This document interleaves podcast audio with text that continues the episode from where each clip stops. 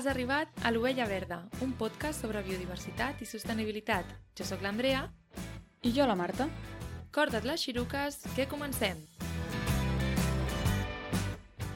Aquest podcast pertany a la xarxa de podcast de ciència i medi ambient Podcastidae.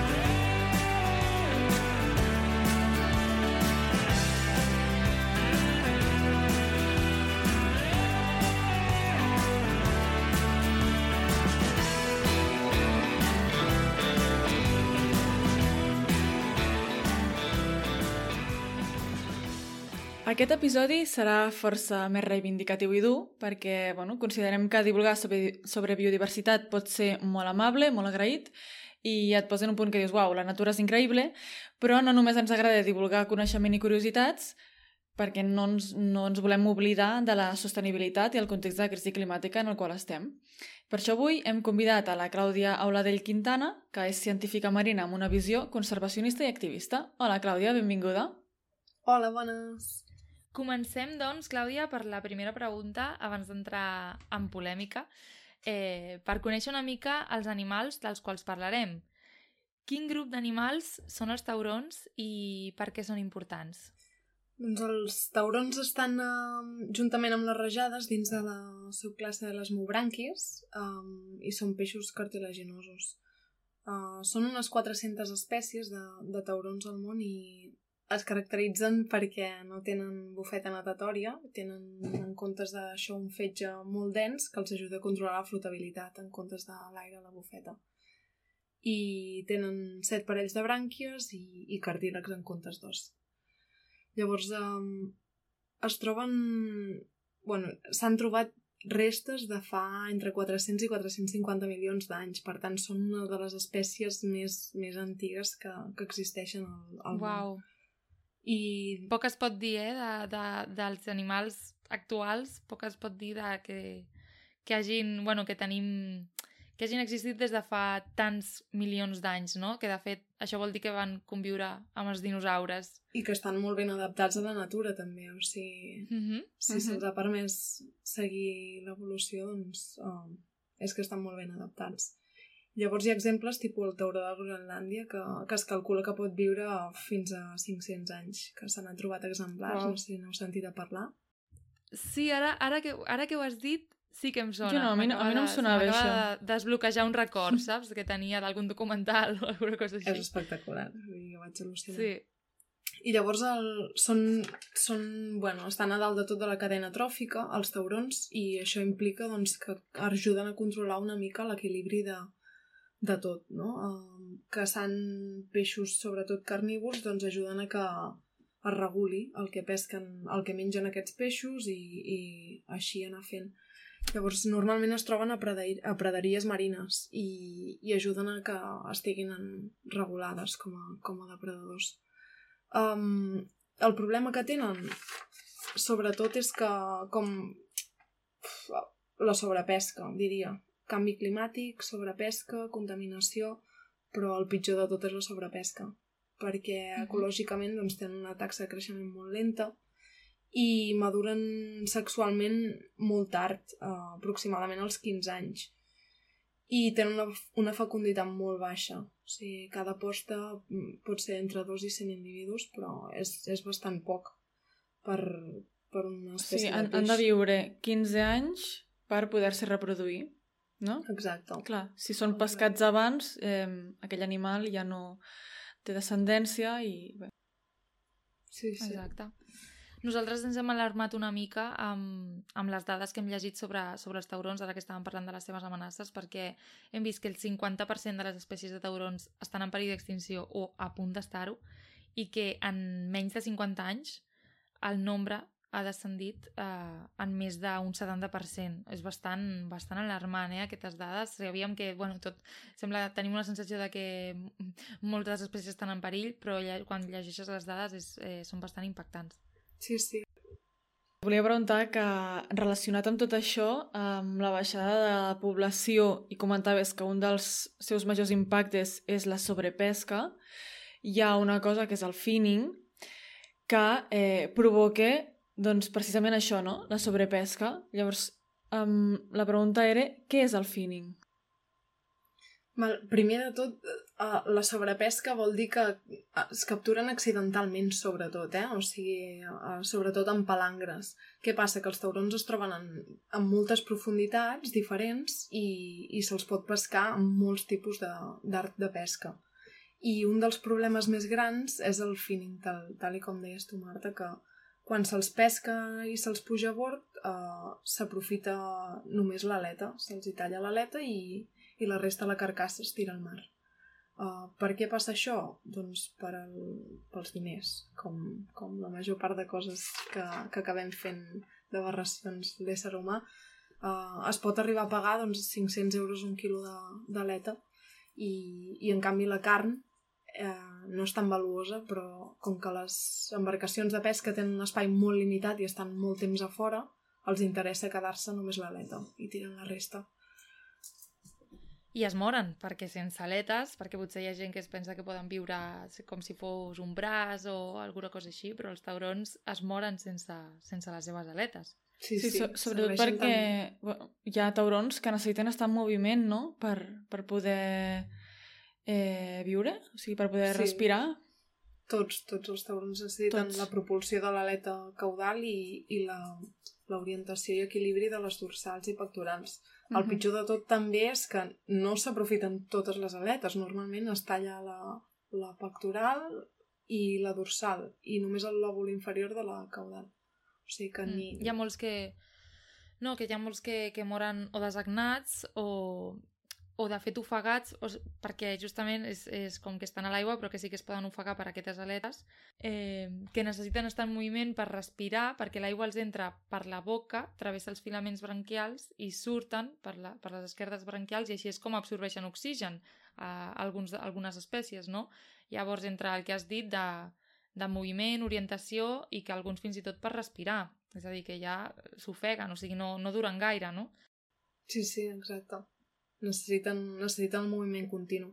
Sí, sí. Mm -hmm. I mhm. fent això, doncs, no, no vull ni arribar a imaginar-me el patiment que, que suposa per l'animal. Has dit una cosa molt interessant, que, bueno, que la clau de, de tot això, que és que el que es fa és pels diners, no? Però exactament quin és el destí d'aquestes de, aletes de, de tauró? El, el principal destí de les aletes és Àsia.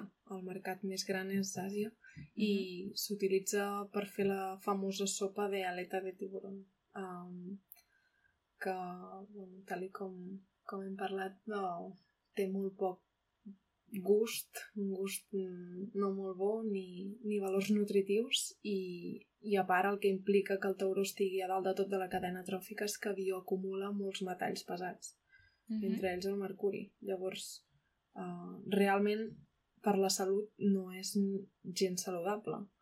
Tot i que la gent... Clar. També hi ha, jo crec que hi ha molta població que, que en menja i no n'és conscient que està menjant tauró, eh? Uh, moltes vegades s'amaga amb, amb altres noms. Mm -hmm.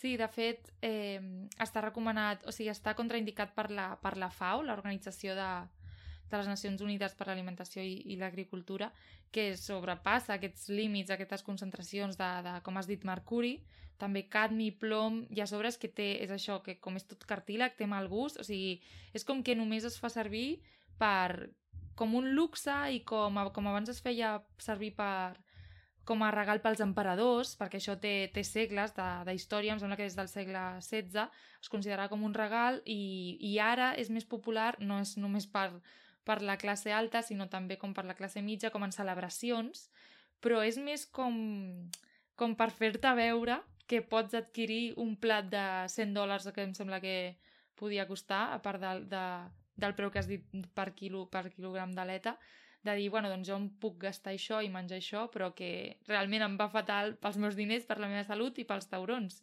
No té, no té gaire sentit. Clar, jo crec que, que darrere de, la cultura i la tradició justifiquem moltes coses que no tenen justificació. És el que tu dius, hi ha només uh, un emperador que es sentís més poderós per, per menjar animals ferotges, uh, no eren només taurons, eh? Llavors, quina, quina justificació té això? Ja no, ja no sé si és ignorància o no sé, la gent segueix corrents i, i es justifica darrere les tradicions i... Bueno, tenim el clar exemple aquí, no? Nosaltres amb la Mhm. tauromàquia acabem fent el mateix. I mm, el finning és legal o està prohibit? Bona pregunta. um, Mhm. bueno, hi ha aquesta llei del 2003 que, tal i com hem estat mirant, és una mica així ambigua, que no, no s'acaba d'explicar bé, i la del 2013 en comparació, no? que la del 2003 ja en principi mm, prohibia el, el tallar aletes de, de taurons eh, fins que no s'arribés a port, però es donaven moltes excepcions a, a moltes embarcacions. Se'ls hi deixava doncs, tallar l'aleta i, i tirar la carcassa. Ho amagaven doncs, pesant tot el tauró i dient no, no, eh, està bé, perquè quan les aletes es pesen al final és cartílag i pesa molt poc, no? I ara el 2013 doncs, sembla que, que ja s'ha començat a, a regular més seriosament i, i s'ha prohibit tallar les aletes fins que s'arriba a port. Clar, perquè feta la llei, feta la trampa, no? Exacte. Sí, sí. Jo crec que això no, no deixa de, de, de fer que, que segueixi fent el fínic. Vull dir, tu pots fer-ho, però al final no fas que l'animal pateixi mort al mar, però l'aleta l'acabes tallant igualment i, i sí que en comercialitzes la carn, però estic segura que molta d'aquesta no se'n fa res al final. Mm -hmm. Clar, van prohibir, van prohibir el finning de dir des del vaixell no ho pots fer, però vale, doncs si al vaixell no ho puc fer, no puc llançar l'aleta des del vaixell i després a llançar a la resta del tauró eh, al mar, doncs ho faig a port. Arriba al tauró a port, cos, el cos sencer, i això sí que és legal. I, I llavors aquestes aletes les exportem a, a Àsia, que de fet, que no sé si ho hem dit, però que Espanya és el major exportador d'aletes de tauró en tota Europa, cosa que és una dada que sorprèn Sí. a, a la gent que, que, els, que els diem a- al nostre entorn, no? O sigui, la Unió Europea és com la màxima exportadora a, a Àsia i Espanya exporta com la meitat. Això és molt fort no? que hagin fet aquesta trampa de dir, vale, doncs això sí que ho, puc, que ho podem fer. És a dir, que el finning està prohibit, però el comerç d'aleta no. Sí, sí, és, és molt exagerat, eh? Vull dir, uh, el tema d'Espanya, eh? Vull dir, el sector de la pesca a Espanya som uns assassins de primera. Amb el tema de les tonyines també passa el mateix. I és això, més del 50, o el 50% diria, el 2020 es calculava, uh, del total d'aletes que anaven a parar a Àsia venen d'Europa. I d'aquest 50%, la meitat venen d'Espanya, sola, de tots Oh. els països europeus, que Uh, després de buscar, doncs mira, en total es calcula que s'han exportat 52.000 tones d'aletes, unes 2.877 tones l'any. Amb tones, una cosa que pesa pf, grams, és, ho trobo unes matances uh, Mhm. espectaculars. I en canvi, doncs, la carn se n'ha exportat en total uh, 3.900 tones. Llavors, aquí es veu la, la diferència, no?, de aquest descartar la carcassa i, i deixar la resta de l'animal. Sí. És una- I, I de fet aquests números tan grans de d'exportacions d'aleta de tauró que venen d'Europa han fet que es mobilitzés una plataforma que es diu Stop Finning, que el que buscava precisament doncs, és acabar amb aquesta comercialització. Sabem que fa un temps van obrir un període de signatures per doncs, adherir-se a aquesta plataforma i a aquesta reivindicació i que ara estan doncs, en el procés en el que la Unió Europea està validant aquestes signatures o tirant endavant el procés per veure doncs, com, com acaba això, no? I ho sabrem d'aquí uns mesos, perquè aquest és, és un procés llarg, però bueno, esperem que, que acabi a bon port, mai millor dit. Sí. I que al final no només se'n controlin els números de d'arribada a port, perquè al final, amb aquestes lleis de les que hem parlat, tu sí sabràs els números que arriben, però al final segueixes comercialitzant tot això, no? Que es, Uh -huh. al final que es gestioni tot el procés, des de la pesca fins a l'arribada a port, la comercialització i, i posar-ho al plat a taula, no? Que la gent també en sigui conscient del que està Mhm. menjant. Sí, de fet és que s'importen aletes de tauró, cosa que em va sorprendre més que, que l'exportació, de dir, d'acord, jo, jo pensava, clar, com aquí no en consumim, però tenim taurons, doncs ho exportem, no? Perquè de tot es pot treure profit, però he llegit que sí que s'importen, i dic, però sí, jo no, no, no era...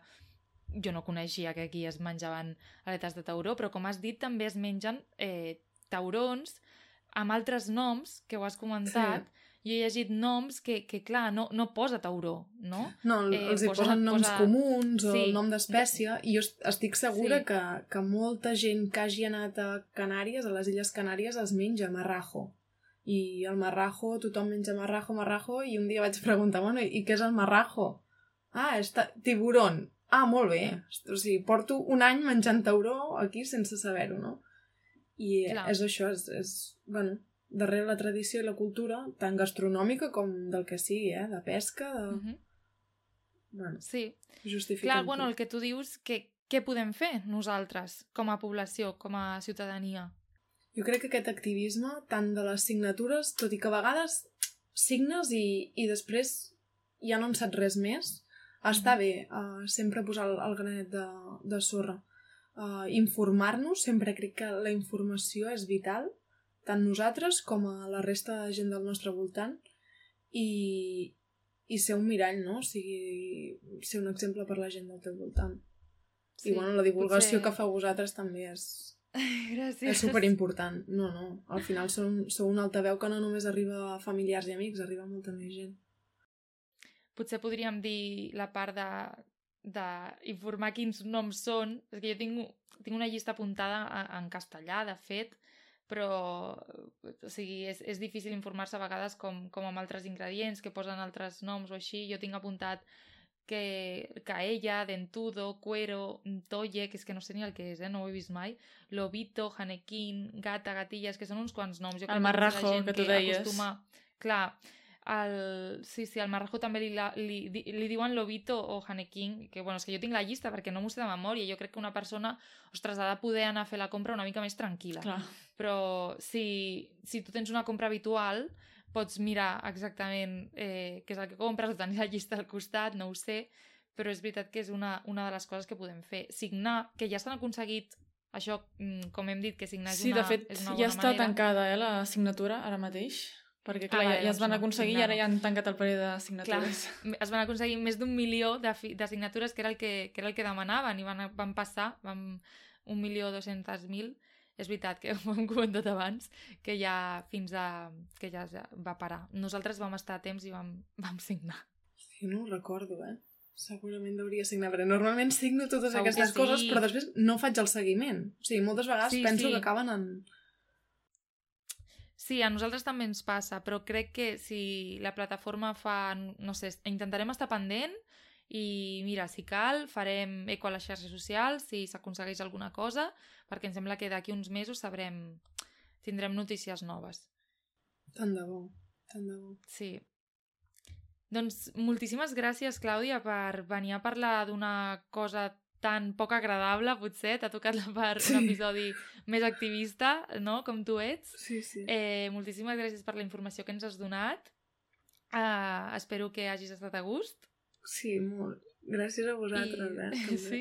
Sí, sí, perquè hi poseu moltes ganes i al final toqueu molts temes molt diferents, però que tots són molt interessants i crec que la gent... Um... El problema a vegades també penso que la gent que ens acaba escoltant és gent que ja està conscienciada o disposada a conscienciar-se, sí. no? Sí, I això, sí això però d'aquest tema... Sol passar. D'aquest tema del finning eh, no el coneix tanta gent, així que espero que... Jo crec que alguna persona es sorprendrà amb aquestes dades que hem donat. Que sí que ja tenen l'interès, eh, sí, això és, és més difícil de crear, el crear aquest interès. Però, bueno, almenys la gent que el té i ho escolta crec que coneixerà un problema que potser abans no coneixia almenys que mirin una mica les etiquetes de, del menjar que comprin quan vagin mm -hmm. a comprar peix congelat o... Doncs sí. Molt bé. Doncs gràcies, Clàudia, i, i res, ens escoltem. Gràcies a vosaltres. Merci.